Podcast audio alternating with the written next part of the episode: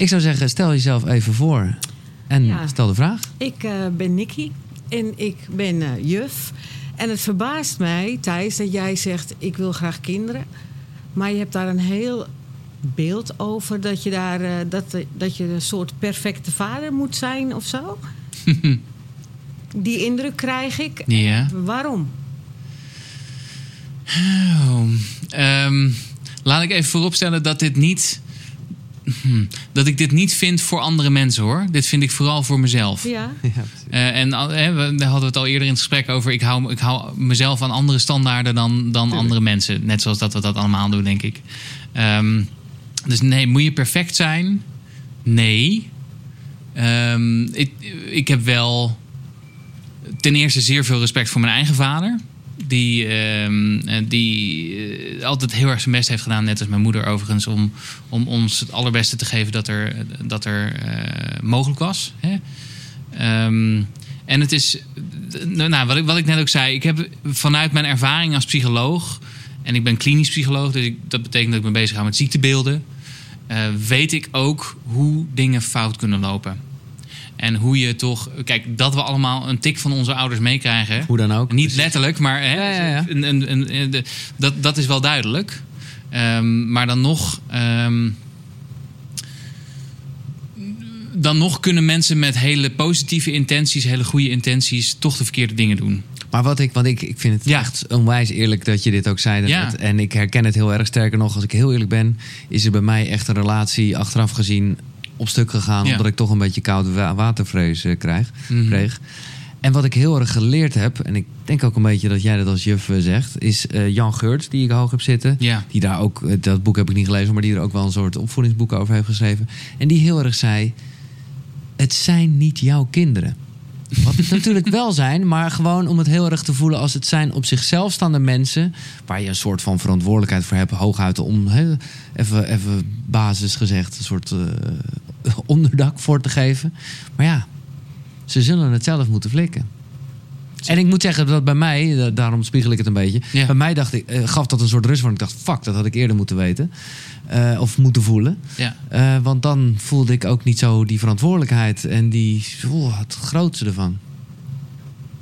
Ja, Maar de juf. Nee, dat kan ik me heel goed voorstellen. eh, En, en ja, in zekere ja. zin denk ik ook wel dat dat er... eh, nou ja, voor we echt eh, heel, heel diep en psychoanalytisch gaan... misschien moeten we daar een beetje voor waken. Maar ehm, ik denk dat ik daar ook wel bang voor ben. Dat ik nog niet de man ben die ik zou kunnen zijn als vader voor, voor kinderen. En ik, ik heb wel het gevoel dat ik daar langzaam naartoe aan het werken ben. Maar misschien dat, duurt het iets langer klinkt voor mij dan voor anderen. naartoe aan het werken. je bent er Ja. nooit klaar voor natuurlijk. Je bent er nooit klaar voor. En Nee. ik denk, als jij eenmaal kinderen hebt, ik heb er zelf drie, eh, dat je regelmatig je neus stoot. En dat die kinderen, nou ja, wat jij net zei, Giel, die hebben hun eigen levenspad te gaan. Want je Ja. wil alles plaveien voor ze. Maar dat gaat je Nee, niet zeker niet. Nee, nee. gaat je niet lukken. Nee. En bovendien, eh, de invloed van, van school, de invloed van iemand als ik op jouw kind, Ja. vlak die niet uit. Ja, ik- Zeker niet. Enorm. En Ja. dan denk ik, ehm, ga ervoor. Weet je, wat houd je tegen? Wil je de perfecte vader zijn? Die ga je niet worden. Nee. Dus eh, Oké. ga het maar lekker doen. Dit, was meer, dit was meer een opmerking dan een vraag, ja. heb ik de indruk. Maar ik, eh, verbaasde me waarom hij, zo- waarom hij zo Het is toch mooi? wil zijn nou ja, om vader ik begrijp te het, worden. ja. denk ik, Ja. zal je niet worden? nee. Nee, dat is ook wel weer waar. Oké. Dus, Dank, dankjewel. Beda- bedankt, juf. Laten we dit onderwerp afsluiten. Ja. Maar bedankt. Heel goed. De volgende vraag of opmerking mag natuurlijk ook. Hè. Eh, wie eh, stapt er naar voren? Hoi, Hi. ik ben eh, Anna. En eh, ik vroeg me af, ik ben net al een millennial. Ja. Waarom heb je daarvoor gekozen? Om daar je, want je hebt daarin verdiept of zo. Ja, en wat klopt. is het verschil dan met andere generaties? Oeh, eh, hele goede vraag. Ehm, laat ik bij de makkelijkste vraag beginnen. En dat is de vraag: waarom heb je ervoor gekozen? Omdat ik zelf ook tot die groep behoor. Ja. Ehm, en omdat ik eh, veel gesprekken had en heb met mijn leeftijdsgenoten over waar ze tegenaan lopen in het leven. Ehm, en daar kwamen een aantal van, de, van dezelfde dingen uit steeds. Eh, dat is, toen ben ik daarop gaan afstuderen. Dus ik, ik studeerde af op, op de, de keuzeproblemen van jonge volwassenen, zeg maar. Hè. Wat nou als alles mogelijk is, maar er zit wel heel veel druk achter de keuze van wie ga je worden. Hoe kun je dan een keuze maken? Ehm, en daar raakten heel veel mensen mee in de problemen. Eh, dus dat, daar, toen was, dat is min of meer hoe ik daarmee bezig was. En dat was ook de tijd dat, dat er heel veel misverstanden kwamen in, eh, over die generatie in de media en zo. Het zouden luie mensen zijn en eh, watjes en, eh, en konden ja, overambitieus en al die dingen. Achterbankgeneratie en zo, dat, dat soort dingen. Ehm, dus dat, dat vond ik interessant, die, die tweedeling daartussen. Dus dat, toen ben ik daarover over gaan schrijven. Ja, wat kun, je, wat kun je zeggen over die groep? Ten eerste dat het heel moeilijk is om iets algemeens te zeggen over een hele grote groep mensen. Mhm. Namelijk, hè, dus de, de millennials waar je het dan over hebt, dat zijn alle mensen tussen de 20 en de 40 nu. Ja. Nou, doen alsof die allemaal hetzelfde zijn, is natuurlijk waanzin. Dat, Nee. dat slaat nergens op. Maar je kunt wel iets zeggen over, over, zeg maar, als je een beetje door je oogharen kijkt naar die grote groep en wat daarin veel voorkomt kun je een beetje naar de grote lijnen kijken. Ja. En, en wat, wat daar dan gebeurt is... We weten dat het, dat het aantal burn-outs onder die groep heel hoog is. Eh, we weten dat ze vaak kampen met behoorlijke prestatiedruk. Eh, dat ze wat vatbaarder zijn voor, ehm, om gebukt te gaan onder de tegenslagen van het leven. Hè? Dus dat, ze, dat ze nog wel eens, nogmaals, heel in het algemeen... en individuen verschillen van elkaar natuurlijk heel erg... maar als groep nog wel eens de neiging hebben om, ehm, om wat vaker depressief en wat vaker angstiger te zijn dan andere En groepen. denk je dat het komt sorry, door de dankbaarheid die ze misschien eh, niet hebben, omdat de vorige generatie natuurlijk toch een soort van oorlog heeft meegemaakt? Nou, het is meer dat maakbare, geloof ik. Dat vond ik wel. Het is, het is eigenlijk al die dingen bij elkaar. De vorige generatie heeft niet per se een oorlog meegemaakt. Want de vorige generatie is eigenlijk dan de ik generatie heb geen oorlog meegemaakt. nee, maar Ehm, nee, in mijn hoofd, ik meer maar- de Ja. ouders. Ja, ja, ja, precies. Ja. Eh, Het, is, heeft, het heeft wel degelijk te maken met, met opgroeien in welvaart. En ook opgroeien met het idee dat, eh, dat, je, eh, dat, dat de wereld dus maakbaar is. Dat, Ja. je, Dat je, alle, als je, als je, als je dat het alles lukt wat je... als je maar wil. Ja, ja. Ja. En dat je zelf de keuzes moet maken over je leven en dat dat dan ook uitkomt. Eh, en daar zit natuurlijk ook een hele boodschap onder. Dus namelijk dat als je het dan niet maakt, dan is het je stomme eigen schuld. Ja. Ehm, dus het heeft daarmee te maken. Maar het heeft ook te maken met eh, dat, ze, dat ze nu eh, zonder heel politiek-economisch te worden. eh, ze hebben behoorlijk de klappen gehad van de, van de financiële crisis van 2008. En lijken nu weer de groep te zijn die ook behoorlijk eh, uit het lood geslagen worden door de huidige coronacrisis. Hè. Dus ze zijn Maar, ja, maar dat is dan wel weer het, la- het laatste deel Zeker, van de millennial. zeker. Dus die moet je dan alweer bijna opdelen in twee. Ja, Dat klopt. En eh, dat, dat is ook Dus het lastige hieraan. is ook gewoon eigenlijk onzin. Nee, het is niet onzin, maar het verklaart niet alles over een persoon. Nee, oké. Eh, en je hebt het dan over grote groepen mensen en de verschillen daartussen. Ja. Ehm, en wat we, wat we wel weten is dat ze over het algemeen gezien worden als een hele ambitieuze groep mensen. Die Mhm. ook heel eager zijn. En soms nog wat extra sturing nodig hebben. oké. Ehm, En de techniek en zo, hè, we hebben het daar ook wel over gehad. Ja. Dat is natuurlijk gewoon echt wel voor de hele wereld een feit gewoon. Ja. Ja. Dat als je eh, ergens tussen 80 en... eh, nee, wat is het? In de 80 of ja, 90 bent geboren. Ja, dan is dat ineens iets... Ja, dus in tegenstelling tot de generatie Z'ers, want die zijn dus echt, hè, dus de, de, de generatie Ja, die nu, die opgroeit, zijn dus altijd al Ja. verbonden. De meeste millennials kunnen zich nog wel het geluid van een inbelmodem voor de geest halen. Zeker. En het geonderhandel met, hun- met hun ouders over eh, hoe, je, hoe lang je dan online mocht, omdat de rest van het gezin niet Ja. kon bellen. Weet je wel dat? Het hebben van geen mobiel. Ja, precies. Ja. Het hebben van geen mobiel in je, in je Nokia 3310, waarbij, waar je sms-berichten op kon sturen misschien. Ik had een Ehm, semafoon. Nou, dat was een ding. Een semafoon. Ja, dat weet jij niet eens meer. Nee. Precies. Nee, ik ben echt was een dat, oude was dat een, een autotelefoon ook? Nee, nee, nee. Dat is nog daarvoor. Nee, het is... eh, of een buzzer. Misschien ken je dat wel. Een busser, een pieper. Ja, Pieper, ja, ja. ja. Nee, Ja. Precies. Nou, dat is... Ja, nee, de, de eerste die ik kreeg, en dat was omdat ik in Haarlem woonde en in Amsterdam ging werken op mijn 14e, 15e, was zo'n 3310. Waarbij je Ja, ja. Nou, dat is Ehm, wel gewoon een voor een bepaalde letter moest je een aantal keer op een knop Ja. drukken om die letter Ja, te krijgen. Eh, en een sms'je was 25 cent. Ja. Ehm, we- daar had je 160 tekens voor, dus die moest je dan ook wel allemaal helemaal vol krijgen. Hè? tuurlijk. Want anders was het zonde van je 25 cent. We raken een beetje af van de Ja. vraag, Ik, denk eh, ik. Maar het is duidelijk. Het is duidelijk. Eh, millennials, eh Dankjewel. go, go. Eh, de volgende.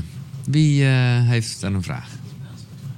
Al wordt hij net wel een beetje... Een soort Nou ja, stel jezelf even voor en eh, de vraag. Sanne. Oh, En heel lang.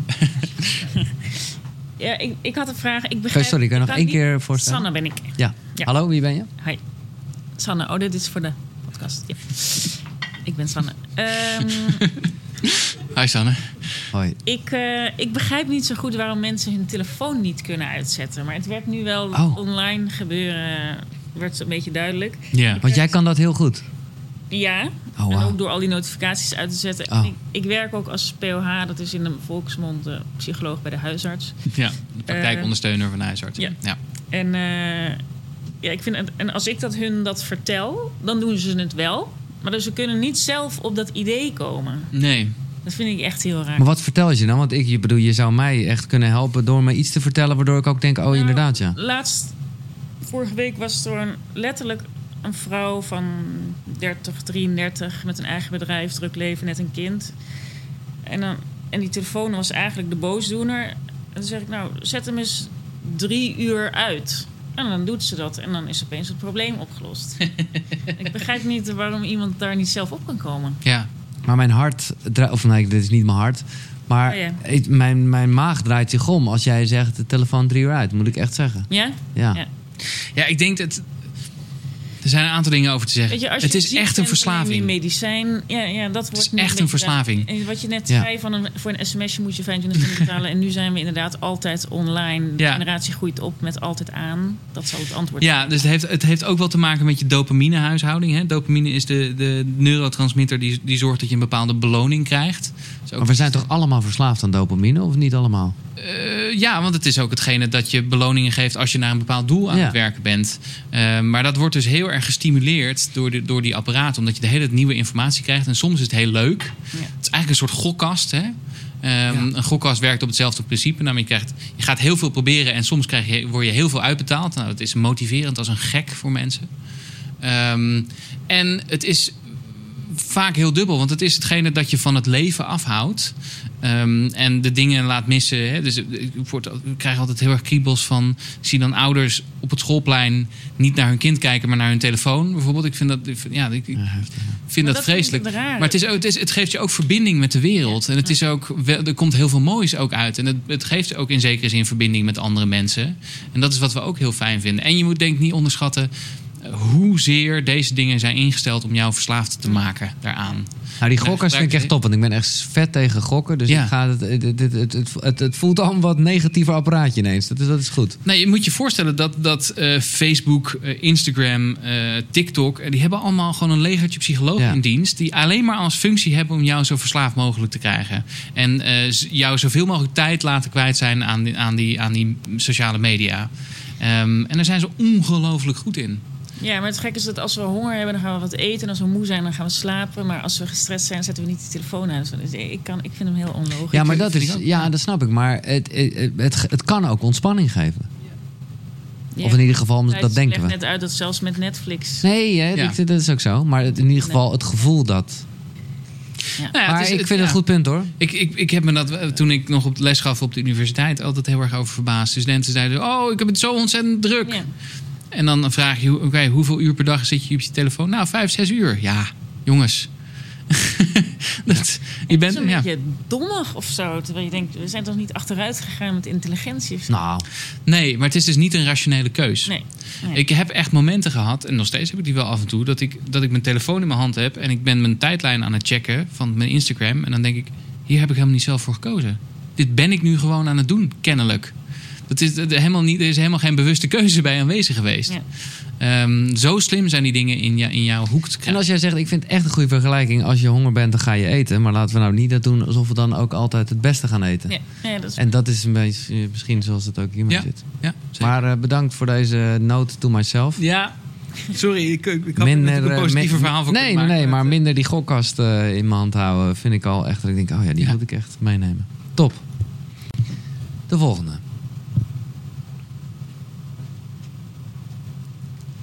Kom maar naar voren en sla je slag.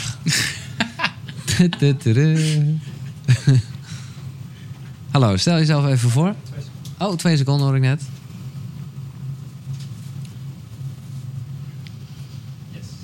Stel jezelf even voor en dan... Hi, eh, ik ben Jolien. Hi. En ik heb nog niet echt de vraag helemaal geformuleerd. Maar volgens mij kunnen we wel concluderen dat dit momenteel een heel hot topic is. Want Ja. Dirk de Wachter, School of Life, eh, lezingen, iedereen is hiermee bezig. Iedereen loopt dus er ook tegenaan dat die maakbaarheid zo... eh, dat we dat zo voor ogen hebben. Je, want je werd al geconcludeerd van we zijn niet zo eh, vol compassie naar onszelf, maar wel naar anderen. Nou, volgens mij zijn we dat naar vrienden of naar familie. Maar als je social media bekijkt, men is ook wel echt verhard. Ja, En harder naar zichzelf. En ik heb het gevoel dat we daarmee ook in een soort vicieuze cirkel zitten. Omdat eh, je ziet dat mensen zo hard reageren op anderen. Daarmee voel je dus ook een beetje alsof je daar ook weer aan moet voldoen.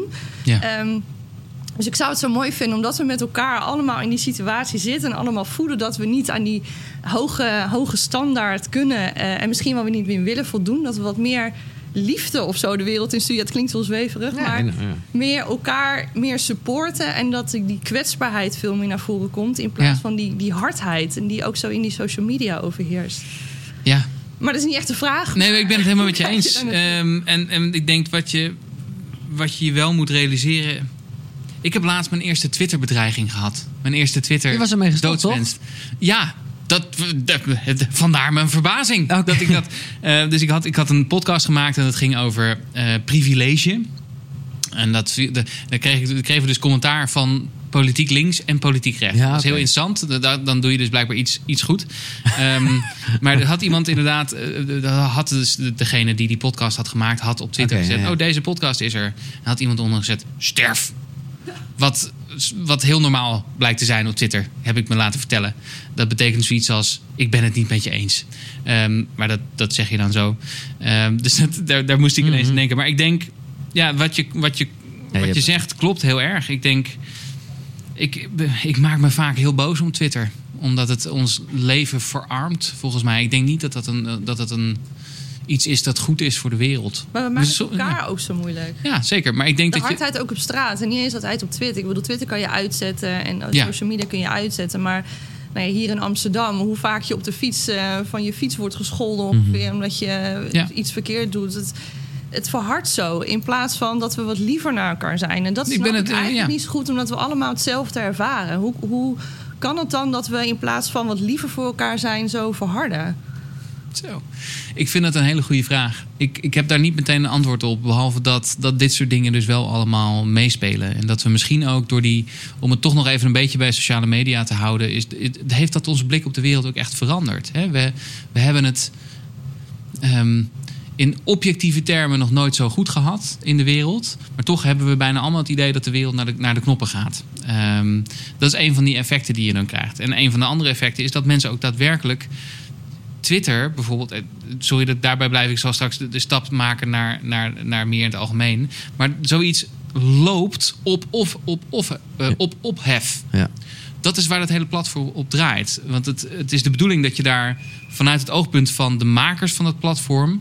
Ehm, is het de bedoeling dat je daar zoveel mogelijk tijd op doorbrengt. En dat doe je doordat je eh, emotioneel gestimuleerd wordt, geprikkeld wordt. Met name door dingen die je niet leuk vindt. Want dan ga je namelijk meteen terugschrijven.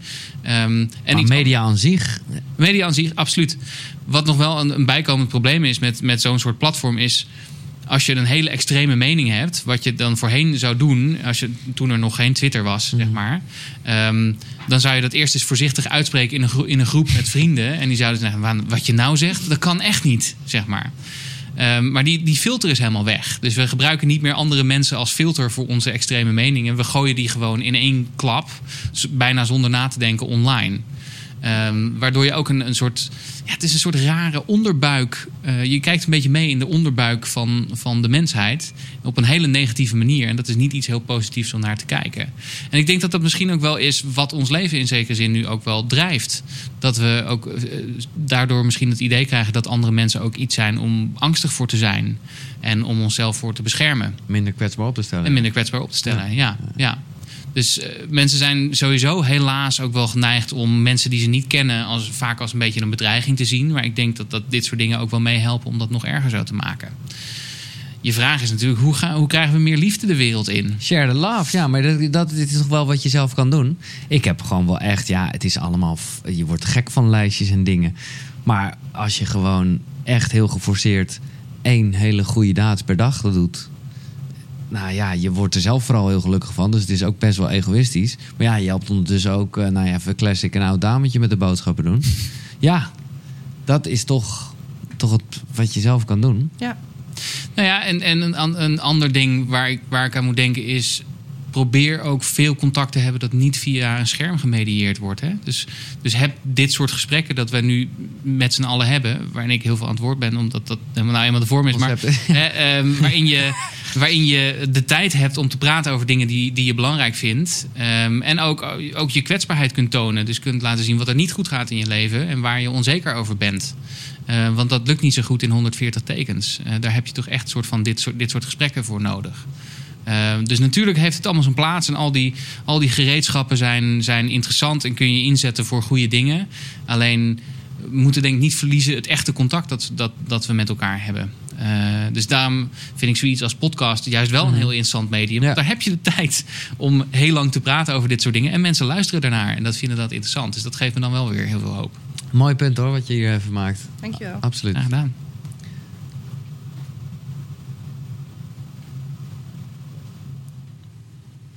Ja, zeker. Nou, dat is de laatste vraag. Ja, Stel jezelf even voor en ik ben benieuwd naar de laatste vraag. hi. Ik ben Saskia. Hi, We Saskia. kennen elkaar. We kennen elkaar. Ja. Oké, wat zijn jullie van elkaar? Eh, mijn kind heeft les van de vriendin van Thijs. Ja. Oké, wat voor een les geef je vriendin? ik ben. Eh, die is eh, docent drama. Oh, oké. En eh, doet ook de, de regisseert voorstellingen. Oh. Waar eh, jouw kind dan ook eh, Ja. een, een rol ja, in heeft. We Dus zijn allebei. Haarlemmers. We hebben ook al Hey, Haarlem, jongen. gedaan. De Haarlem Precies. precies. Ja. Ja. Lekker. Ja. Ehm, ja, mijn vraag eh, gaat over... Ik ben zo benieuwd hoe je komt op een thema voor een boek wat je schrijft. Ja. Of eigenlijk ook zelfs je columns. Want die Ja. gaan natuurlijk...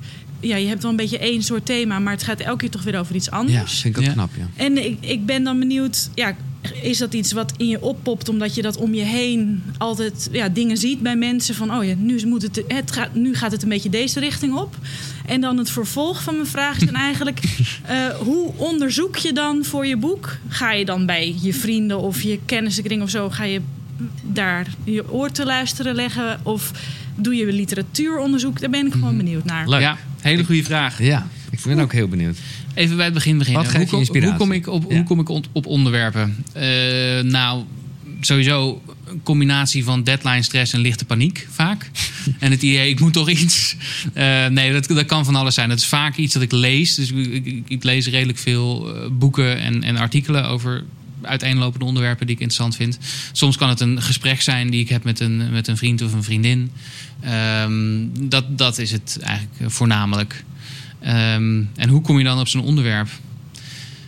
Nou, voor stress was het denk ik redelijk duidelijk. Dat was gewoon echt de burn-out-epidemie. En, en hoe zijn we daar gekomen en hoe werkt dat? En hoe, ehm, hoe, hoe werkt dat in het lichaam?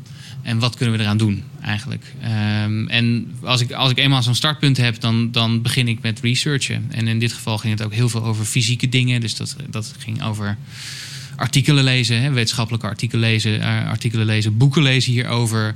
Ehm, veel Hoe kom, je aan die, ah, hoe kom je aan die onderzoeken dan? Zo, op een gegeven moment, we hebben het niet... eh, En maar, gewoon databases voor. Ja, oké. Ja. Maar Jij hebt een onderzoek. Ja, ik, vind gewoon, ik kan het nu nog even erin gooien. Want ik, ben, Ja. ik vind het gewoon jammer dat het niet ter sprake is gekomen. Ja, ja. Dat gaat over eh, hoe moeilijk het is om niks te doen. Ja. En dan Ja, dat is een heel, heel beroemd onderzoek. Oké, nou, ik had er nog nooit van gehoord. Ik denk, hoe kom je daar nou weer bij? Nee, dat is. Dat, ja, dat heeft inderdaad. ehm, haal ik in het stuk over, over mediteren aan. Dat is dat, dat onderzoek waarbij ze eh, mensen in een kamer hebben gezet. Een half uur lang, of nog iets langer dan dat. En waarbij ze al hun afleiding moesten inleveren. Dus ze moesten hun telefoon inleveren, mochten geen eh, papieren bij zich hebben, of geen boek bij zich hebben, of, of, een, of een tijdschrift of zo. Ze moesten alles afgeven. Dus er was niks in die kamer. Ze waren echt met hun eigen gedachten alleen. Er was alleen wel één ding aanwezig in die kamer. En dat was een eh, apparaat waarmee ze zichzelf pijnlijke elektrische schokken konden geven. En het blijkt dat een groot deel van de mensen, ik geloof een merendeel van de mannen en een net een minderheid van de, van de vrouwen, geeft zichzelf liever pijnlijke elektrische schokken dan alleen te zijn met hun eigen gedachten. Ja, dat is toch fantastisch. Ja, dat is fantastisch. Eh, dat, is, eh, dat, dat zegt iets over hoe moeilijk het dus is ook om. eh, Maar kom je op dat onderzoek en verwerk je dat in een verhaal? Of, of ben je bezig met een verhaal en ga je op zoek naar of er onderzocht is of mensen niks kunnen Het doen? is beide. en het is, dit is ook wel een, een, onder, een onderzoek dat wel vaker in boeken wordt geciteerd. Dan denk ik, oh ja, dat, dat, eh, en wat ik nu, dus nu bijvoorbeeld heb, ik ben nu net terug van vakantie en dan heb ik een hele stapel boeken gelezen. En er zitten allemaal oortjes in. Ja. Ehm, en dan moet ik nu, ik kijk er een beetje tegenop, eh, een keer een paar uur vrij bij maken om gewoon aantekeningen te maken van al die dingen die ik heb gelezen. En dan zit daar vast wel weer een idee voor een column bij. Of er zit daar vast een onderzoek bij dat ik weer ergens anders voor kan gebruiken. Ehm, En nu dus een Dus beetje dat- de focus op hoe vertrouw je jezelf. ja, Ja. ja. en, en, en het is ook een beetje rondlopen vanuit die, vanuit die blik. Hè? Dus Maar dingen dan die is het me- eigenlijk zo dat je ook altijd een eigen database hebt van ideetjes. Het Ja. is niet zo dat je elke week moet bedenken... oh, ik moet weer een nieuwe column. Maar er zit... staat in die app met die... eh, met- Ja, Precies, dat heb, mail ik allemaal aan mezelf. Dat Ja. klopt. Ja. Eh, nee, dat, dat, dat klopt. Het is eigenlijk eh, de hele tijd vanuit die blik kijken naar, naar dingen die je leest en dingen die je hoort. Van, nou, zou dit interessant zijn? En dan, eh, Maar dan ja. sta je zelf eigenlijk altijd aan met werk. Want jouw werk is mensen observeren. Ja, maar ook dat kan uit. Ook dat kan Doe je uit. ook wel? ja, ja, ja, precies. Het is niet dat ik daar nog eh, om tien uur s avonds mee bezig ben. Dan ben ik gewoon eh, of een roman aan het lezen of eh, toch een keertje een serietje kijken. Of, eh, hè, dus dat, eh, dan ben ik niet altijd bezig met hoe kan ik dit linken aan een column die ik nog moet schrijven of een boek dat ik nog moet schrijven. Ja, nou, dankjewel. Goeie vraag. Ja, en ja, het thanks. geeft aan, ik, ik ben echt blij dat we erachter zijn gekomen dat Thijs Launsbach een mens is. Heren. nee, dat wisten we wel. Nog één keer applaus voor Thijs Launsbach. Dank u wel. En heb je zijn bestseller Fucking Druk nog niet? Eh, dan kan je die winnen op de site. koekeroe.nl slash win. Kan je het gewoon even aanvinken. Dus uh, slash win. Dankjewel. Tot de volgende.